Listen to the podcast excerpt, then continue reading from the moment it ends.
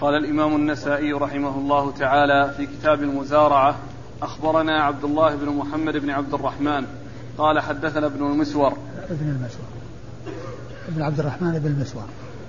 قال أخبرنا عبد الله بن محمد بن عبد الرحمن بن المسور. قال حدثنا سفيان بن عيينة عن عمرو بن دينار عن ابن عمر وجابر رضي الله عنهم أجمعين. نهى رسول الله صلى الله عليه وآله وسلم عن بيع الثمر حتى يبدو صلاحه ونهى عن المخابرة كراء الأرض بالثلث والربع. رواه أبو النجاشي عطاء بن صهيب واختلف عليه فيه. بسم الله الرحمن الرحيم. الحمد لله رب العالمين وصلى الله وسلم وبارك على عبده ورسوله نبينا محمد وعلى آله وأصحابه أجمعين. أما بعد فقد مر جملة كبيرة من الأحاديث المتعلقة بالمزارعة وهذه جملة أيضا مما ورد في ذلك مما أورده النسائي وحديث جابر وابن عمر رضي الله تعالى عنهما أن النبي صلى الله عليه وسلم نهى عن بيع, بيع الثمر حتى يبدو صلاحه وذلك لما يخشى أن يحصل في بيعه قبل بدو صلاحه من جائحة ومن ضرر فنهي عن بيعه إلى أن يبدو صلاحه وذلك بأن يحمر ويصفر ويبدو ويحسن أكله ويصلح أكله. ونهى عن كراء عن عن المخابرة كراء الأرض بشيء مما يخرج منها. بالثلث والربع. آه، كراء الأرض بالثلث والربع. نهى عن المخابرة كراء الثل... كراء الأرض بالثلث والربع. وقد سبق أن مر بنا أن كراءها بالثلث والربع وغير ذلك مما هو معلوم النسبة أن هذا سائغ وصحيح ويدل على ذلك معاملة النبي صلى الله عليه وسلم لأهل خيبر اليهود على أن يعملوها بنصف ما يخرج منها من ثمر أو زرع. فيكون ما جاء من النهي عن الثلث والربع إنما كان في أول الأمر ثم نسخ أو أن النهي إنما هو للإشارة إلى خلاف الأولى وأن خير من أن يؤجرها بثلث أو ربع أن يعطيها بالمجان وأن يمنحها من يستفيد منها. قال أخبرنا عبد الله بن محمد بن عبد الرحمن بن المسور. قال أخبرنا محمد عبد, عبد الله بن محمد بن عبد الرحمن بن المسور بن المسور بن مخرمة. وقد جاء يعني الفصل بين المسور وبين عبد الرحمن وهو نسب هو شخص واحد عبد الله بن محمد بن عبد الرحمن بن المسور بن مخرمة. يروي عن سفيان بن عيينة. وهو ثقة أخرج حديثه صدوق أخرج له مسلم وأصحاب السنة. وهو صدوق أخرج حديثه مسلم وأصحاب السنة الأربعة. فيحذف أن يقول قال حدثنا قال حدثنا ويبقى ابن عبد الرحمن ابن المسور. ابن عبد الرحمن ابن المسور. عن سفيان بن عيينة وهو المكي ثقة أخرج له أصحاب الكتب الستة. عن عمرو بن دينار المكي ثقة أخرج له أصحاب الكتب الستة. عن ابن عمر. عن ابن عمر عبد الله بن عمر بن الخطاب رضي الله عنهما آه، أحد العبادلة الأربعة من أصحاب النبي صلى الله عليه وسلم وأحد السبع المعروفين بكثرة الحديث عن النبي صلى الله عليه وسلم. وعن جابر رضي الله عنه أيضا وهو جابر بن عبد الله الأنصاري أحد السبعة المعروفين بكثرة الحديث عن النبي صلى الله عليه وسلم. وإذا فالصحابيان اللذان في هذا الإسناد هما من السبعة المعروفين بكثرة الحديث عن النبي صلى الله عليه وسلم وهم أبو هريرة وابن عمر وجابر وابن عباس وأبو سعيد وأنس بن مالك وأم المؤمنين عائشة رضي الله تعالى عنهم وعن الصحابة أجمعين ستة رجال وامرأة واحدة.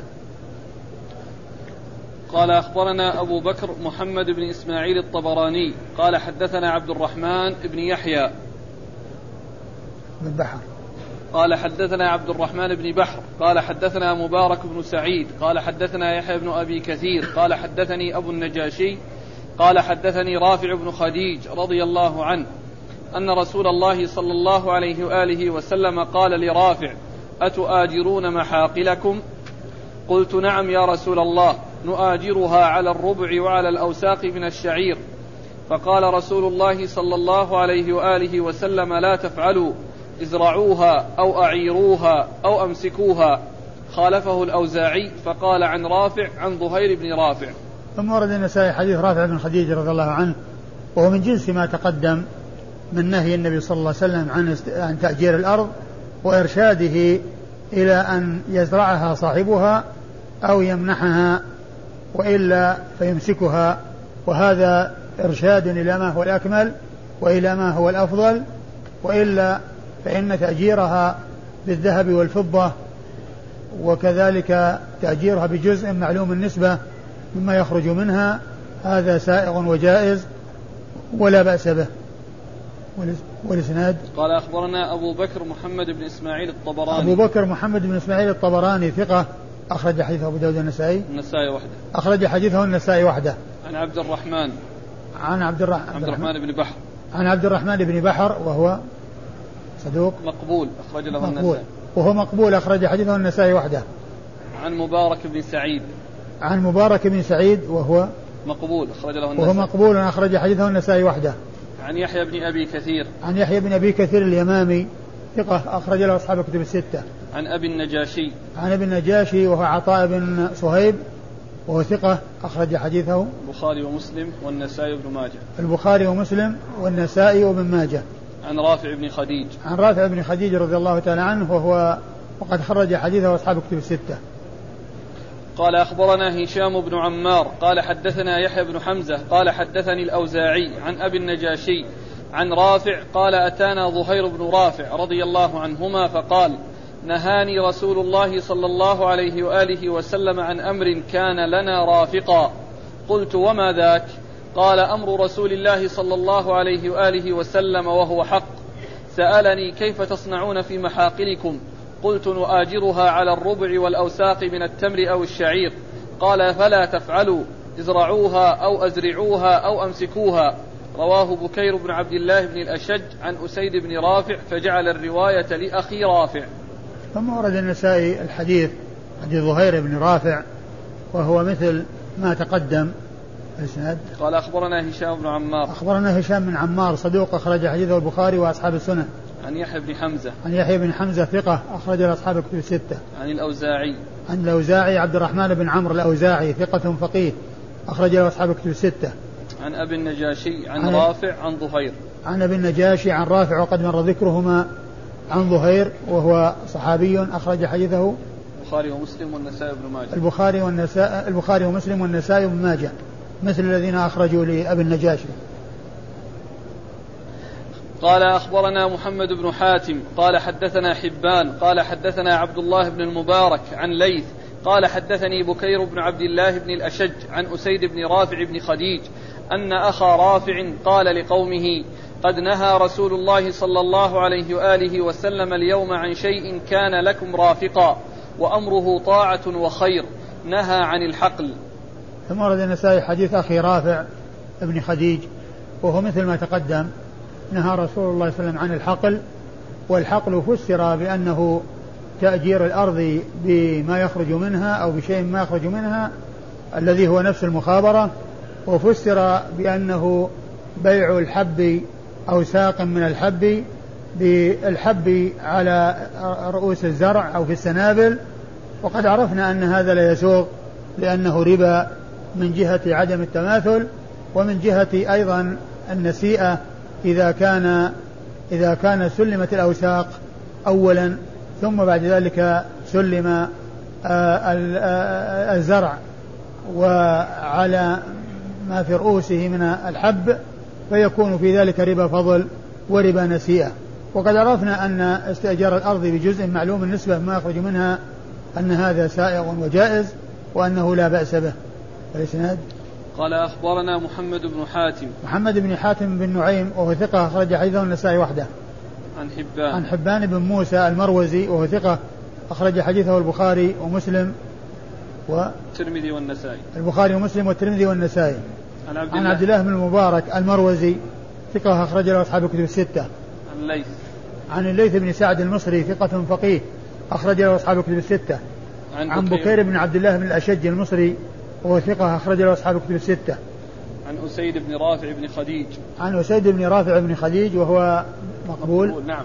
مقبول أخرج حديث النسائي وحده. نعم. مقبول أخرج حديث النسائي وحده. إن أخا رافع قال لقومه. أي نعم. قال أخبرنا الربيع بن سليمان. قال حدثنا شعيب بن الليث عن الليث عن حفص. عن جعفر. عن جعفر بن ربيعة. عن عبد الرحمن بن هرمز قال سمعت أسيد بن رافع بن خديج الأنصاري يذكر أنهم منعوا المحاقلة وهي أرض تزرع على بعض ما فيها. رواه عيسى بن, بن سهل بن رافع. ثم ورد النسائي حديث. أسيد بن رافع بن خديج. حديث أسيد بن رافع بن خديج. وهو قال يذكر أنهم منعوا المحاقلة أيوة. أو منعوا أيوة. أنهم منعوا المحاقلة وهي أرض تزرع على بعض ما فيها. أيوة. يعني إما منعوا يعني منعهم الرسول صلى الله عليه وسلم أو منعوها امتثالا لأمر الرسول صلى الله عليه وسلم. آه، وهو مثل ما تقدم. الإسناد قال أخبرنا الربيع بن سليمان. الربيع بن سليمان يحتمل أن يكون المصري المرادي المصري صاحب الشافعي وأن يكون الجيزي وكل منهما ثقة. نعم. عن شعيب بن الليث. عن شعيب بن الليث آه، آه، بن سعد ثقة أخرج له مسلم وأبو داود النسائي عن الليث. عن الليث مر ذكره. عن جعفر بن ربيعة. عن جعفر بن ربيعة المصري وهو ثقة أخرج له أصحاب الكتب الستة. عن عبد الرحمن بن هرمز.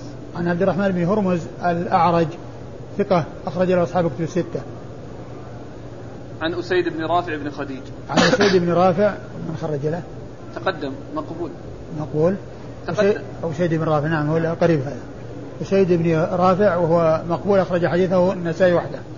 قال أخبرنا محمد بن حاتم قال أخبرنا حبان قال حدثنا عبد الله عن سعيد بن يزيد أبي عن, يزيد عن سعيد بن أ عن سعيد بن يزيد أبي شجاع قال حدثني عيسى بن سهل بن رافع بن خديج قال إني ليتيم في حجر جدي رافع بن خديج رضي الله عنه وبلغت رجلا وحججت معه فجاء أخي عمران بن سهل بن رافع بن خديج فقال يا أبتاه إنه قد أكرينا أرضنا فلانة بمئتي درهم.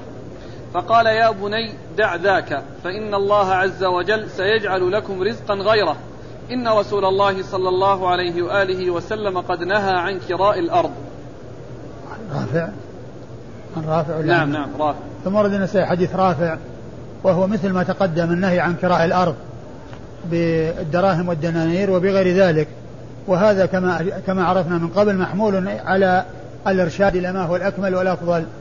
وإلا فإن تأجيرها بالدراهم والدنانير جائز وقد جاء عن رافع نفسه حيث قال في الحديث إنما يزرع ثلاثة رجل ملك ارضا فهو يزرع ما ملك ورجل منح فهو يزرع ما منح ورجل آه، اكترى بذهب أو فضة ورجل اكترى بذهب أو فضة.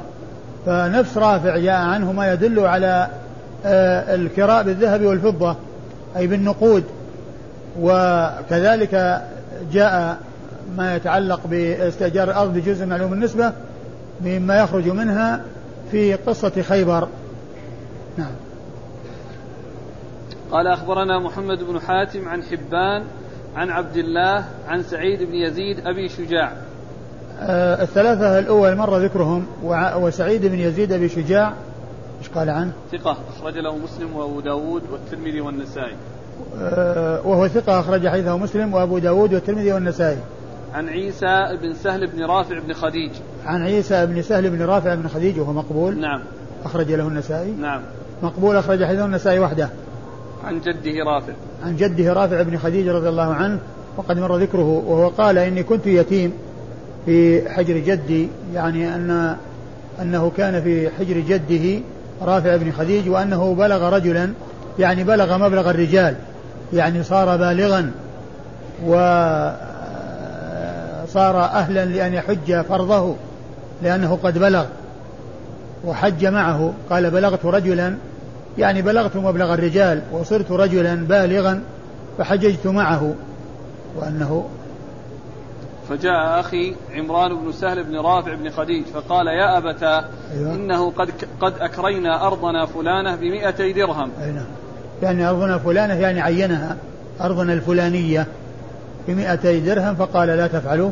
فقال يا بني دع ذاك فإن الله عز وجل سيجعل لكم رزقا غيره. أيوه. إن النبي صلى الله عليه وسلم قد نهى عن كراء الأرض. إن النبي صلى الله عليه وسلم نهى عن كراء الأرض يعني مطلقا. ولكن جاء عنه ما يوضح بأن الممنوع بما إذا كان شيء مجهول. أما شيء معلوم مضمون فهذا لم ينهى عنه. وقد سبق الحديث في ذلك عن رافع بن خديج وفيه تفصيل لما أجمل في بعض الأحاديث مثل هذا الحديث الذي فيه النهي عن كراء الأرض. و وما جاء في هذا الحديث إرشاد لما هو الأكمل والأفضل. يعني كون الإنسان يعني لا يكريها ولكن يزارعها يزرعها أو يمنحها لا شك أن هذا خير وأفضل نعم. قال أخبرنا الحسين بن محمد قال حدثنا إسماعيل بن إبراهيم قال حدثنا عبد الرحمن بن إسحاق عن أبي عبيدة بن محمد عن الوليد بن أبي الوليد عن عروة بن الزبير قال قال زيد بن ثابت رضي الله عنه يغفر الله لرافع بن خديج رضي الله عنه أنا والله أعلم بالحديث منه. إنما كان رجلين اقتتلا فقال رسول الله صلى الله عليه وآله وسلم إن كان هذا شأنكم فلا تكروا المزارع. فسمع قوله لا تكروا المزارع. ثم ورد النسائي حديث زيد بن ثابت رضي الله عنه وأن أنه قال أنا أعلم بالحديث منه. يغفر الله يغفر الله لرافع. أنا أعلم بالحديث منه. إنه آه أن رجلين اقتتلا يعني في خصومة في أرض. يعني كانوا آه أجر بعضهم أحدهما على الآخر والتأجير على وجه فيه جهالة بأن يكون قال يعني لي ما على السواقي أو ما كان في البقعة الفلانية. فسلم هذا وهلك هذا فاختص به أحدهما فاختصموا وتنازعوا واقتتلوا. يعني معناه أن أنه حصل بينهم خصومة ونزاع شديد ولما بلغ الرسول صلى الله عليه وسلم قال إذا كان هذا شأنكم فلا تكروا يعني إذا كان الكراء بهذه الطريقة فلا تكروا فأخذ رافع بقوله لا تكروا الأرض. لا تكروا الأرض وهو مبني على قوله إذا كان هذا شأنكم. يعني معناه على الشيء الذي فيه جهالة. وقد جاء عن رافع نفسه كما أشرت آنفا الحديث الذي جاء من طريق حنظلة بن قيس أن النبي صلى الله عليه وسلم يعني آه أنهم كانوا يكرون على الماديانات وأقبال الجداول وما يسعد بالماء فيسلم هذا ويهلك هذا فزجروا عن ذلك وأما شيء معلوم مضمون فلا بأس به. فهذا يبين أن المنع إنما هو في الذي فيه جهالة أو فيه علم ولكن أو فيه شيء معروف ولكن يختص به أحدهما عن الآخر في والقضية قضية شركة يعني فيما إذا قال لي ألف صاع والباقي لك فإنه قد لا يخرج إلا ألف صاع. فيكون واحد منهما حصل الزرع الثمرة كلها والآخر ما حصل شيئا. لكن إذا استأجر بدراهم معلومة بأن جاء وأعطاه مثلا ألف ريال. وقبض الأرض وكل ما حصل منها يكون له أي المزارع. أو قالت استأجرها بالثلث أو الربع أو النصف. فإذا خرج صاع واحد يكون بينهما نصفين وإذا خرج آلاف الآصع يكون بينهما على النسبة التي يتفقان عليها. في الإسناد قال أخبرنا الحسين بن محمد. أخبرنا الحسين بن محمد بن أيوب وهو صدوق أخرج له الترمذي والنسائي. وهو صدوق أخرج حديثه الترمذي والنسائي. عن إسماعيل بن إبراهيم. عن إسماعيل بن إبراهيم بن علية ثقة أخرجه أصحاب الكتب الستة. عن عبد الرحمن بن إسحاق. عن عبد الرحمن بن إسحاق وهو صدوق أخرج له البخاري في الأدب المفرد ومسلم وأصحاب السنن. صدوق أخرج حديث البخاري في الأدب المفرد ومسلم وأصحاب السنن الأربعة. عن أبي عبيد بن محمد. عن أبي عبيد بن محمد ابن عمار بن ياسر وهو مقبول أخرج له أصحاب السنن. وهو مقبول أخرج حديث أصحاب السنن. عن الوليد, عن الوليد بن أبي الوليد وهو لين الحديث. وهو لين الحديث أخرج له. البخاري في الأدب المفرد ومسلم وأصحاب السنن. أخرج حديث البخاري في الأدب المفرد ومسلم وأصحاب السنن الأربعة.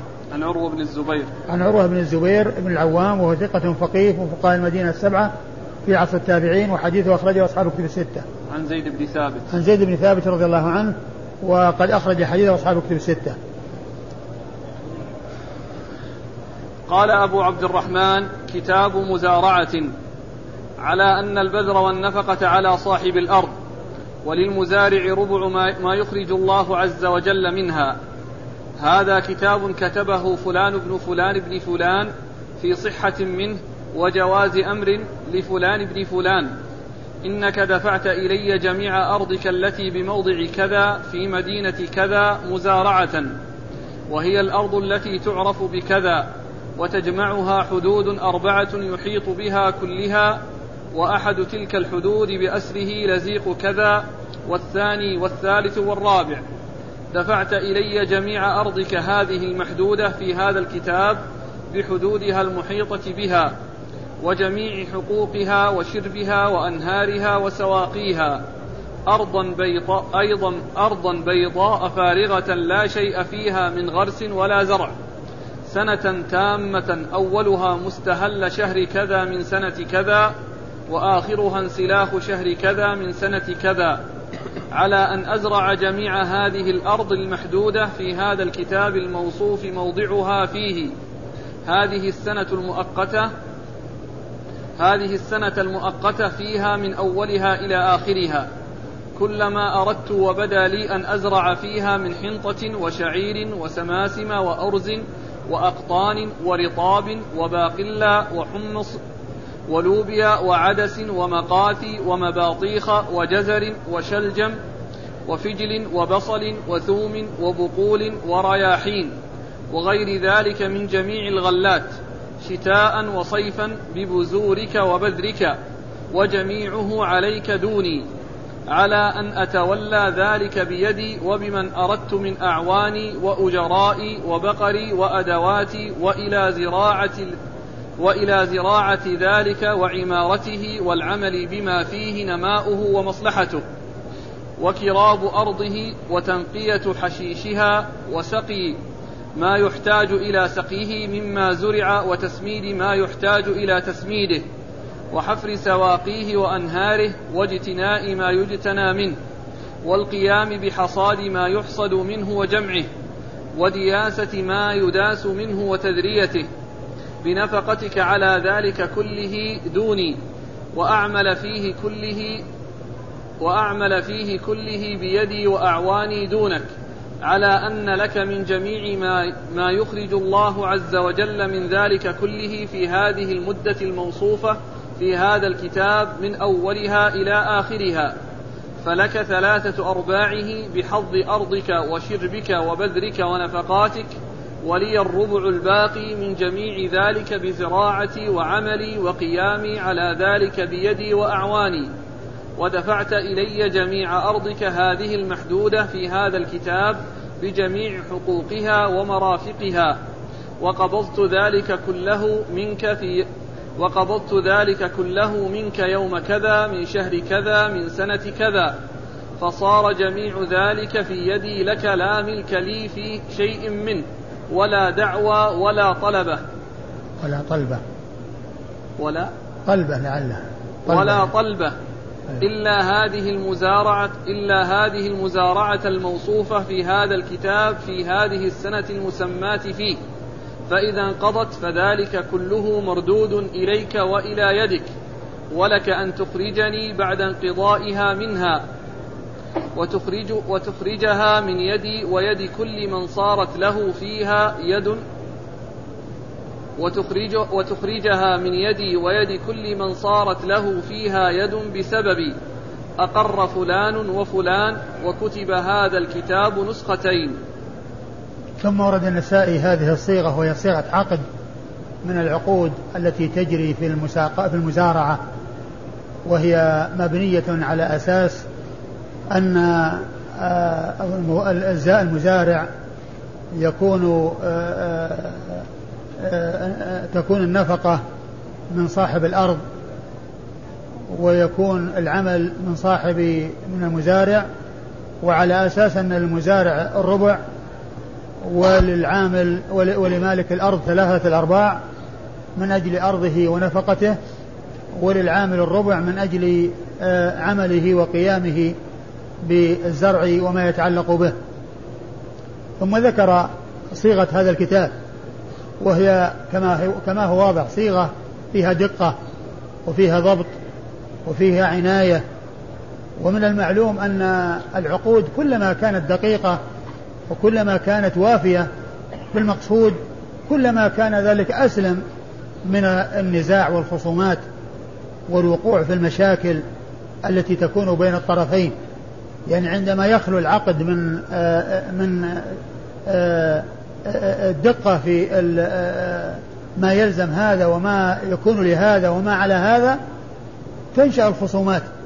لكن عندما يكون في العقد التفصيل والإيضاح والبيان وما على كل واحد وما له وما عليه يرجع إلى العقد وكل ينفذ ما هو مطلوب منه فيه ويسلم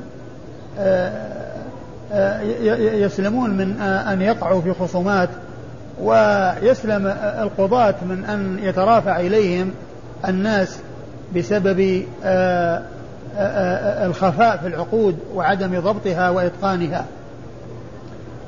نبدأ بالعقد نقرأ. قال أبو عبد الرحمن كتاب مزارعة على يعني هذه صيغة الموضوع ثم بعد ذلك يأتي صيغة الكتاب. يعني كتاب مزارعة على أن العامل له ربع ربع ثمرة والمالك له ثلاثة الأرباع وعلى أن صاحب الأرض يكون منه البذر. نعم. على أن البذر والنفقة على صاحب الأرض وللمزارع ربع ما يخرج الله عز وجل منها.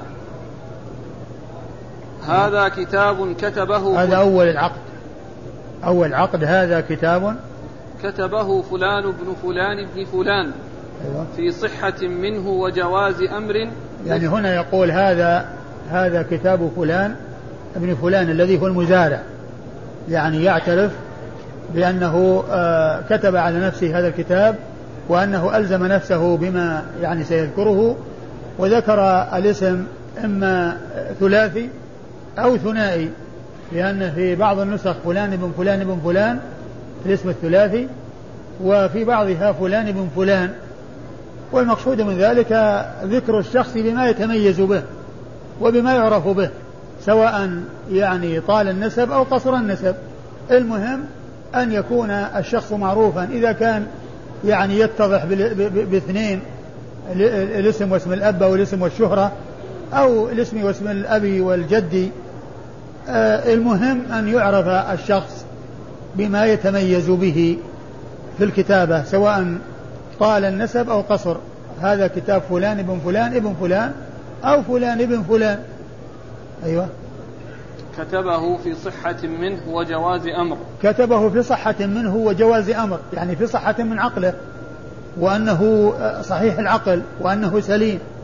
وجواز أمر يعني جواز التصرف يعني في أمره وأنه رشيد وليس بسفيه وليس بمحجور عليه. يعني فهذا فيه بيان الحالة التي يكون عليها العاقد وأنه يكون آه، في صحة من عقله وفي جواز تصرف في أمره يعني فليس يعني آه، غير فليس غير عاقل بل هو عاقل وليس محجورا عليه لسفاهه. والسفيه لا يجوز التصرف في أملاكه إذا كان محجورا عليه لسفهه لكن هذا فيه التنصيص على سلامة الشخص من هذه الأمور في وهذا جاري بين الناس في هذا الزمان عندما يكتبون العقود في على في صحة من عقله وجواز تصرفه أنه كذا وكذا عندما يذكر أقر فلان بفلان على صحة من عقله وجواز تصرفه. يعني معناه أنه يعني عنده عقل وعندما كتب هو عاقل وليس مجنون وليس يعني آه، آه، خالي من الإرادة وكذلك جواز أمره جواز التصرف في شؤونه لكونه ليس محجورا عليه لسفهه. نعم. كتبه لفلان بن فلان. كتبه لفلان بن فلان يعني مالك الأرض. يعني هذا المزارع اللي هو آه، العامل يكتب على نفسه لصاحب الأرض هذا الكتاب. إنك دفعت إلي جميع أرضك التي بموضع كذا في مدينة كذا مزارعة. أنك دفعت إلي جميع أرضك. يعني قال جميع أرضك. يعني ليس جزءا منها. التي في التي في أرض في التي بموضع كذا. التي في موضع كذا من مدينة كذا. يعني مثلا بالعوالي من المدينة. من العوا... بالعوالي أو بالجهة الغربية أو أو كذا. يعني المكان الذي هو معروف البقعة التي فيها الأرض. من مدينة كذا. أيوة. مزارعة. مزارعة. دفعت إلي مزارعة. ما أعطيتني إياها منحة ولا أعطيتني إياها هدية ولا أعطيتني إياها لأي غرض من الأغراض إلا لأجل المزارعة. يعني وهذا هو المقصود من العقد إنه مزارعة. فقوله دفعت إلي أرضك التي هي كذا وكذا مزارعة. يعني هذا هو الغرض من دفعك إياها دفعك إياها إلي. يعني لأكون مزارعا فيها. ما دفعتها إلي هدية. فيروح يقول أعطيتني إياها وإنها ملكي وأنك يعني منحتني إياها وأنك يعني اوهبتني إياها وإنما يقول مزارعة. يعني معناه أني أعمل والأرض لك. وما خرج فهو على النسبة التي اتفقنا عليها. أيوة. مزارعة. وهي الأرض التي تعرف بكذا. وهي الأرض التي تعرف بكذا. إذا كان لها اسم. إذا كان لها اسم اشتهرت به أرض كذا. الأرض الفلانية المعروفة بكذا. أيوة. وتجمعها حدود أربعة يحيط بها كلها. وتجمعها حدود أربعة. يعني محددة بأربعة حدود. تحيط بها هذه الحدود. وتجمعها. وأحد هذه الحدود لزيق بكذا. يعني جارة كذا أو ملاصق للبلاد للبلد للأرض الفلانية أو للمزرعة الفلانية أو لملك فلان. يعني وكذلك الحد الثاني وكذلك الباقي. الحد الأول كذا يحده من الشرق كذا ومن الغرب كذا من الشمال كذا من الجنوب كذا. أيوة. وأحد تلك الحدود بأسره لزيق كذا والثاني والثالث والرابع. أيوة. دفعت إلي جميع أرضك هذه المحدودة في هذا الكتاب بحدودها المحيطة بها وجميع حقوقها وشربها وأنهارها يعني بجميع, ما بجميع حقوقها يعني بشربها يعني مائها وأنهارها ومكاينها وآلاتها يعني الأشياء الموجودة فيها إذا كان فيه موجود فيها آلات. يعني يذكر يعني هذه الأشياء التي يعني استلمها وهي لصاحبها بشربها و وأنهارها وسواقيها وأنهارها وسواقيها سواقي الماء التي يجري معها منها الماء التي هيئت و آه، يعني أسست لتكون مجرى للماء يذهب إلى إلى النخلات وإلى الأرض التي تزرع. أيوة. يعني ما يروح يجي يكسرها ويجيب يعني دركتل ويخربها ويخلي يعني يحتاج إلى أنه يسوي سواقي. لا يعني هي نفسها. أيوة. أرضا بيضاء فارغة لا شيء فيها من غرس ولا زرع. أي نعم. سنة تامة أولها يعني هذا مدة العقد سنة تامة. يعني مدة العقد سنة ما يكون شيء مجهول. أولها كذا أول هذه السنة يعني غرة محرم مثلا أو آه مستهل محرم يعني أولة. وآخرها انسلاخ شهر ذي الحجة. انسلاخ شهر كذا نهاية. البداية والنهاية. أيوة.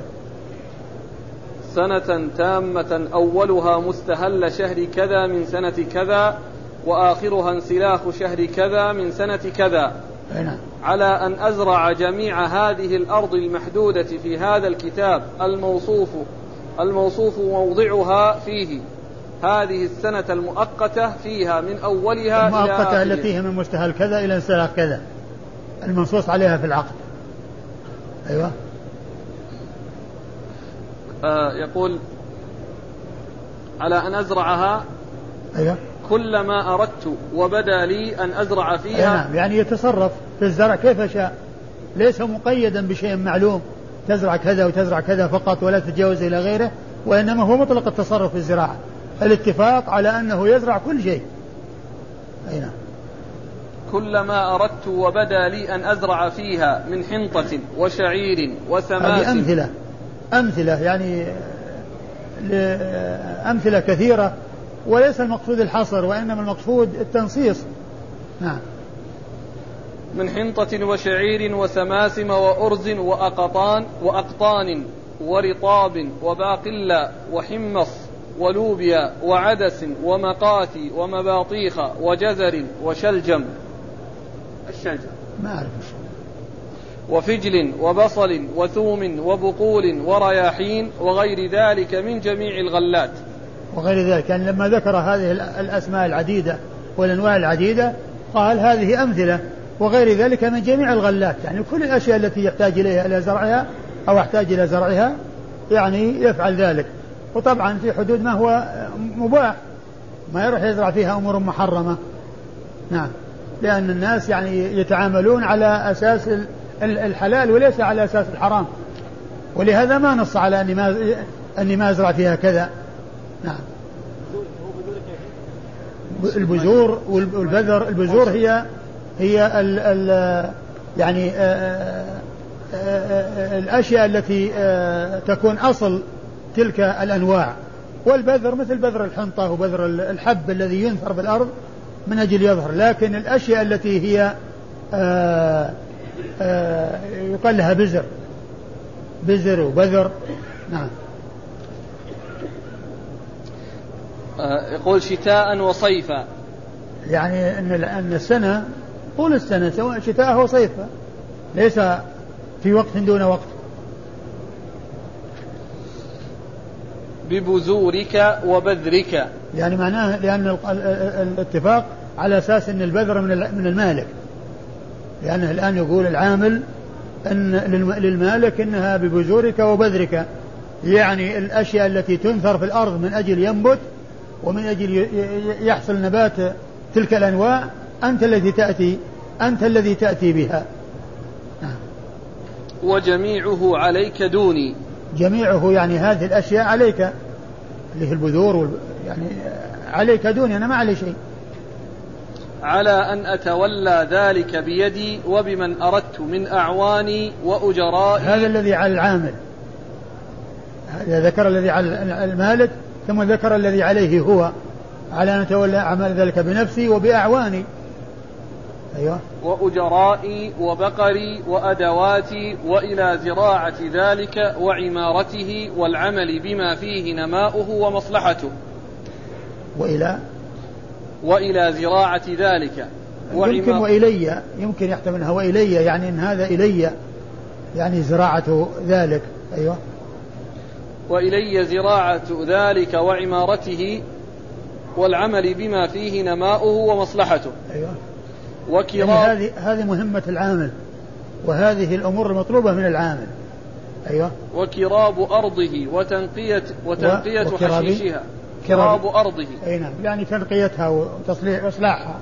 يعني كون الإنسان يأتي إذا يعني نثر الحب فيها وأراد أنه يعني يحرثها حتى يكون الحب في داخلها هو الذي يتولى العامل وليس المالك.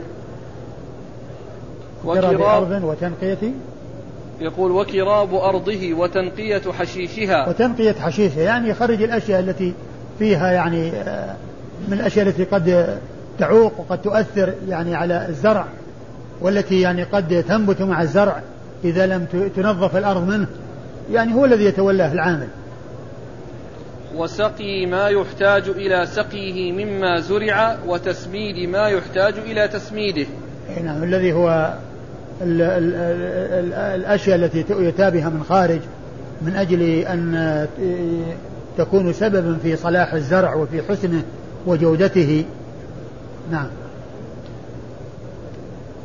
وحفر سواقيه وأنهاره. نعم. واجتناء ما يجتنى منه. والقيام بحصاد ما يحصد منه وجمعه.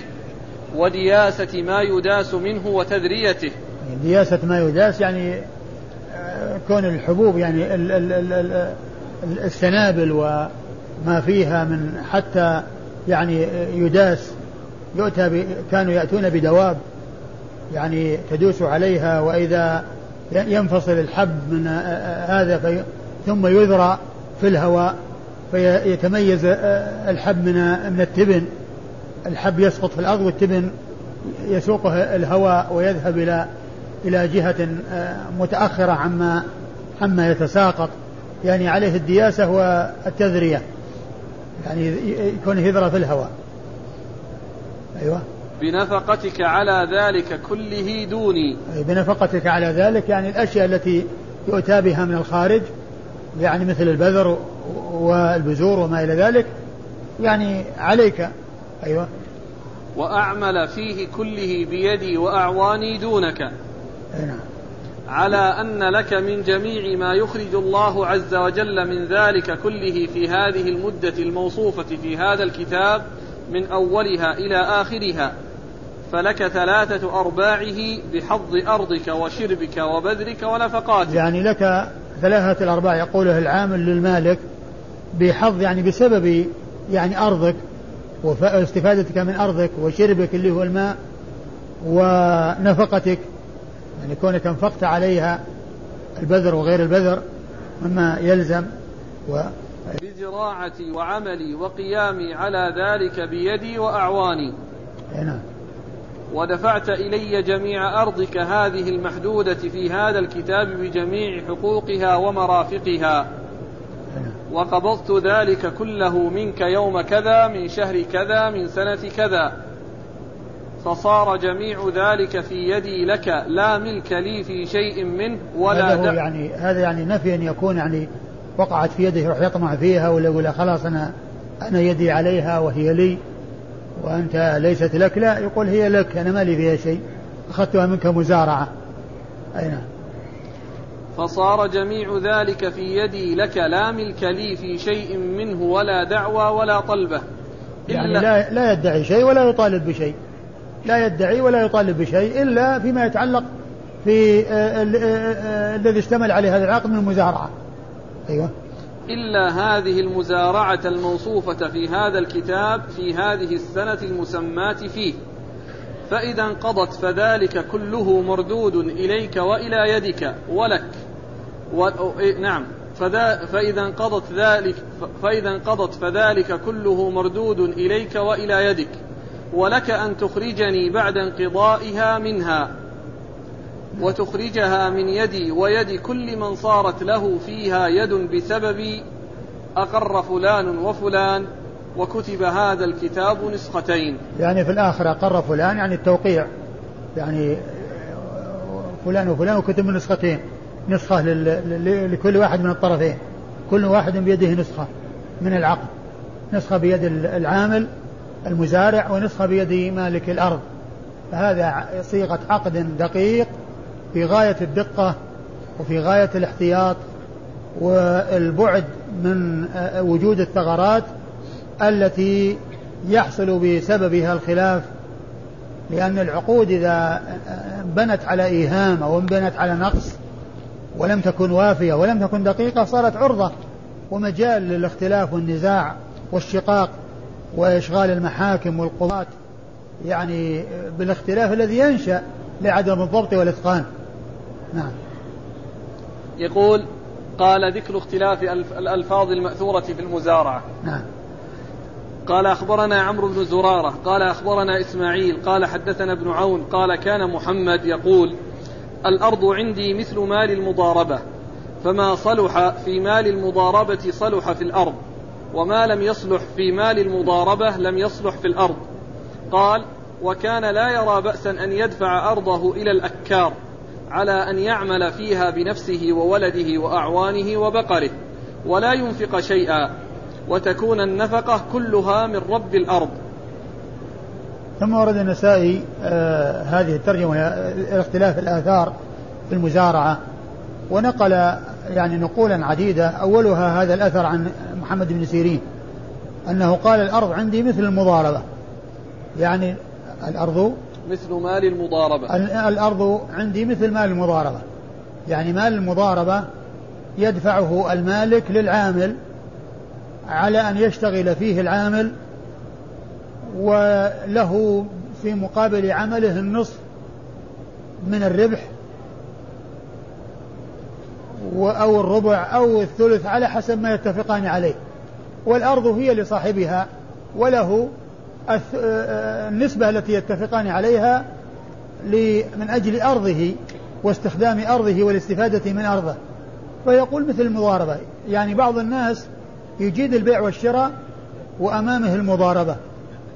يأتي إنسان عنده حذق وعنده عناية في البيع والشراء وعنده خبرة في البيع والشراء ولكن ما عنده نقود.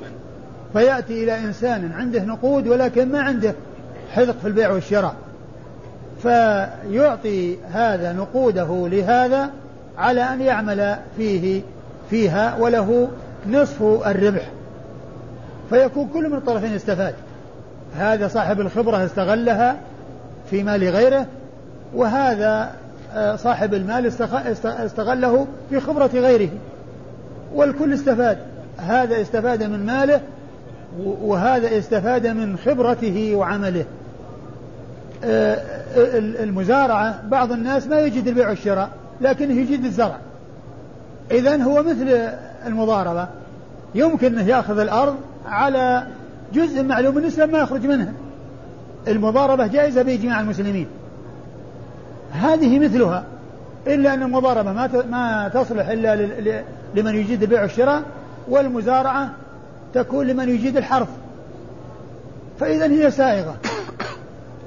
وبالإضافة إلى أنها مشابهة للمضاربة المجمع عليها فقد جاءت النصوص الدالة على جوازها كما في قصة خيبر وكما في أرض خيبر وأن النبي صلى الله عليه وسلم دفع اليهود على أن يعملوها بشطر ما يخرج منها من ثمر أو زرع على الشطر ما يخرج منها من ثمر أو زرع. وعلى هذا فهذا الكلام الذي ذكره ابن سيرين رحمه الله كلام يعني جيد وفيه يعني بيان أن هذه مثل هذا وهذه مجمع عليها وهذه مختلف فيها لكن آه هذا مشابه لهذا. بعض الناس يجيد البيع والشراء أمامه المضاربة. بعض الناس ما يجيد البيع والشراء ولكنه يجيد المزارعة أمامه المزارعة. بعض الناس يعني عنده إجادة ال ال ال ال آه، يعني آه، آه، الذهاب والإياب على أن يشتغل مثلا على على دواب وعلى سيارات وله النصف مما يحصل من استخدام هذه الدواب والسيارات من الثمرات التي تترتب على ذلك. إذا كل يستفيد في حدود خبرته ولا بأس بذلك ولا مانع من ذلك. إيش قال؟ يقول الأرض عندي مثل مال المضاربة. أيوة. فما صلح في مال المضاربة صلح في الأرض. نعم. وما لم يصلح في مال المضاربة لم يصلح في الأرض. نعم. قال وكان لا يرى بأسا أن يدفع أرضه إلى الأكار. الأكار يعني العامل المستأجر الأجير. أيوة. أو الفلاح. نعم. على أن يعمل فيها بنفسه وولده وأعوانه وبقره. ولا ينفق شيئا. وتكون النفقة كلها من رب الأرض.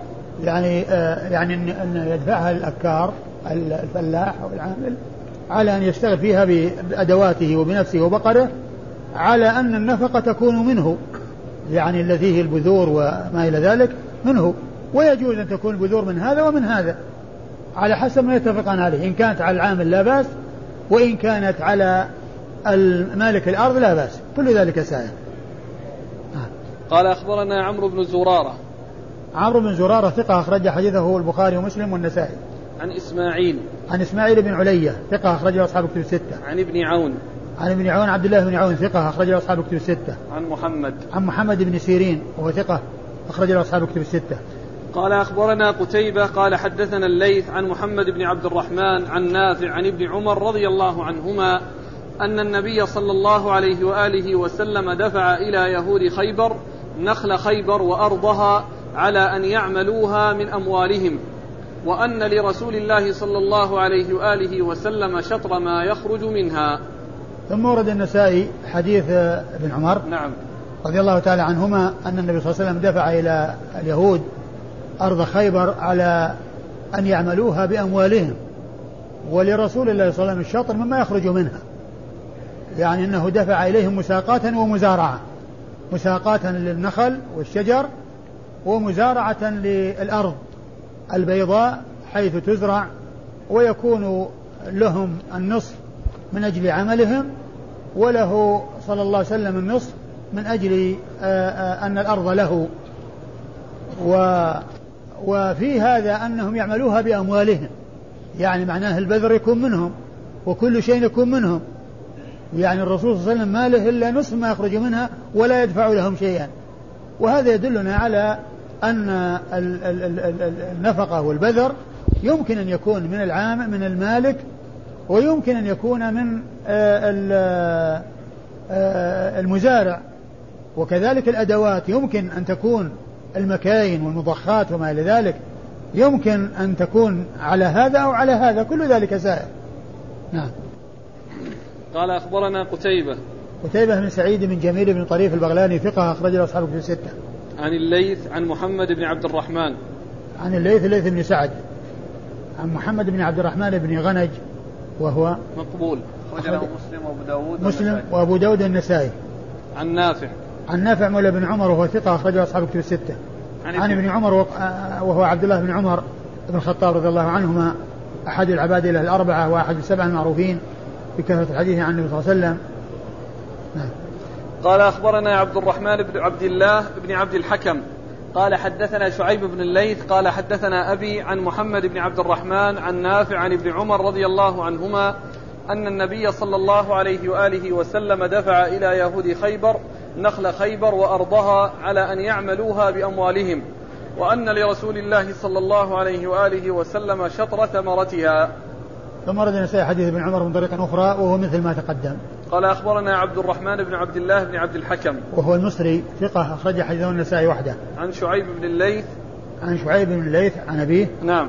وقد مر ذكرهما. عن محمد بن عبد الرحمن عن نافع عن ابن عمر. وقد مر ذكرهم جميعا. قال أخبرنا عبد الرحمن بن عبد الله بن عبد الحكم. قال حدثنا شعيب بن الليث عن أبيه عن محمد بن عبد الرحمن عن نافع أن عبد الله بن عمر رضي الله عنهما كان يقول كانت المزارع تكرى على عهد رسول الله صلى الله عليه وآله وسلم على أن لرب الأرض ما على الربيع الساقي من الزرع وطائفة من التبن لا أدري كم هو.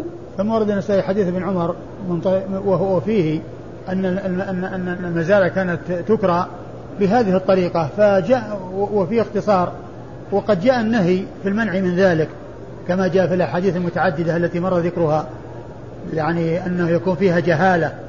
يعني يكون على ال على السواقي وعلى كذا وعلى طائفة معينة أو يكون له جزء معين محدد يعني بالتقدير لا بالنسبة. أما إذا كان بالنسبة فهو سائغ لأن الكل يشترك في الفائدة. أيوة. قال أخبرنا نفس الإسناد. الإسناد قد مر ذكره. قال أخبرنا علي بن حجر قال أخبرنا شريك عن أبي إسحاق عن عبد الرحمن بن الأسود قال كان عماي يزرعان بالثلث والربع وأبي شريكهما. وعلقمة والأسود يعلمان فلا يغيران. ثم ورد النسائي حديث أثر. عبد الرحمن بن الأسود. عبد الرحمن الأسود. عبد الرحمن بن الأسود النخعي أنه قال كان عمايا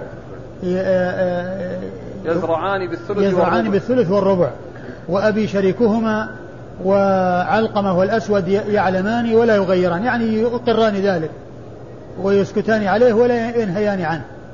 يعني وهذا يدل على أنه معروف عندهم أن استئجار الأرض بجزء معلوم النسبة مما يخرج منها أنه سائغ ومن المعلوم أنه قد دل عليه حديث خيبر ودل عليه أيضا حديث رافع الذي فيه التفصيل أما شيء معلوم مضمون فلم ينهى عنه رسول الله صلى الله عليه وسلم. أيوة.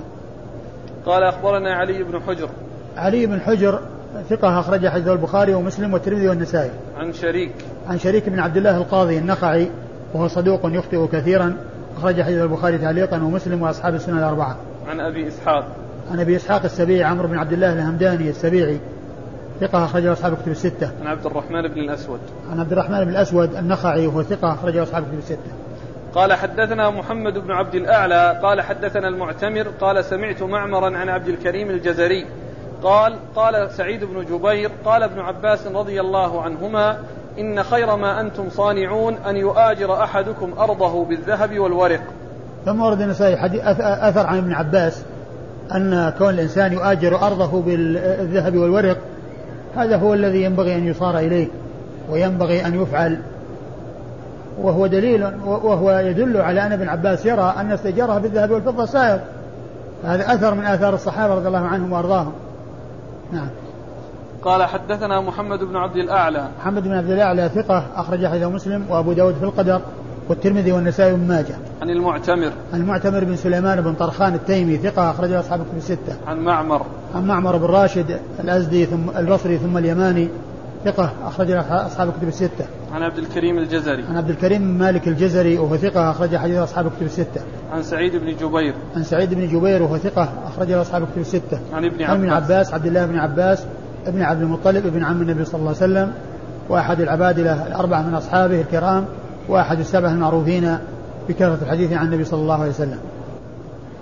قال أخبرنا قتيبة قال حدثنا جرير عن منصور عن إبراهيم وسعيد بن جبير أنهما كانا لا يريان بأسا باستئجار الأرض البيضاء ثم ورد النسائي الأثر عن إبراهيم النخعي وسعيد بن جبير أنهما أنهما كانا لا يريان بأسا باستئجار الأرض البيضاء يعني على أساس أن صاحبها المستأجر آه، يستخدمها فيما استأجرها من أجله نعم قال أخبرنا قتيبة عن جرير جرير بن عبد الحميد الضبي البصري البصري ثقة أخرجه أصحاب الكتب الستة.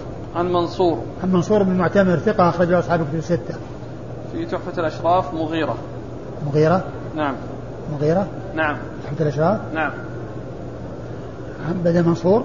بدل منصور نعم. إيه. إذا كان الأمر كذلك فهو مغيرة بن مقسم الضبي الكوفي وهو ثقة أخرجه أصحاب الكتب الستة أو البصري. نعم. عن إبراهيم مغيرة بن مقسم أيوه عن إبراهيم عن إبراهيم بن يزيد بن قيس النخعي ثقة أخرجه أصحاب في الستة وسعيد بن جبير وسعيد بن جبير مر ذكره قال أخبرنا عمرو بن زرارة قال حدثنا إسماعيل عن أيوب عن محمد قال لم أعلم شريحا كان يقضي في المضارب إلا بقضاءين كان ربما قال للمضارب بينتك على مصيبة تعذر بها وربما قال لصاحب المال بينتك على بينتك أن أمينك خائن وإلا فيمينه بالله ما خانك. ثم ورد النسائي أثرا عن شريح أنه أنه كان لا يقضي في المز... في المضارب إلا كان يقضي بقضاءين أحدهما يتعلق بالعامل وهو أنه إذا إذا كان حصل شيء ادعى أنه تلف بيده فيعني بينته على أنه حصل له مصيبة يعذر. يعني بأن حصل حريق مثلا وتلفت البضاعة التي بيده. ما يأتي يقول والله يعني خلاص البضاعة راحت ولا كذا وهو ما عنده يعني شيء. يعني يدل على ذلك. وكذلك بالنسبة للمالك إذا قال أن العامل خان وأنه آه، يعني حصل منه خيانة يعني يأتي ببينة على أن حصل منه خيانة.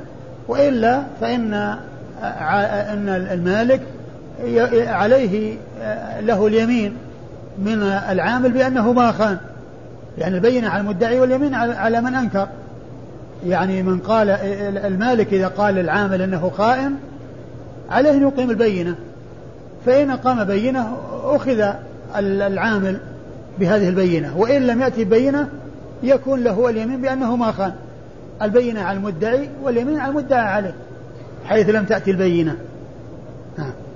قال أخبرنا عمرو بن زرارة عن إسماعيل عن أيوب. عمرو بن زرارة عن إسماعيل هو بن علية عن أيوب بن ابن أبي تميم السختياني ثقة أخرجه أصحاب الكتب الستة. عن محمد عن شريح. عن محمد آه، ابن سيرين عن شريح وهو شريح آه، القاضي. والله تعالى وصلى الله وسلم وبارك على عبده ورسوله نبينا محمد وعلى آله وأصحابه أجمعين وغدا نتوقف عن التدريس.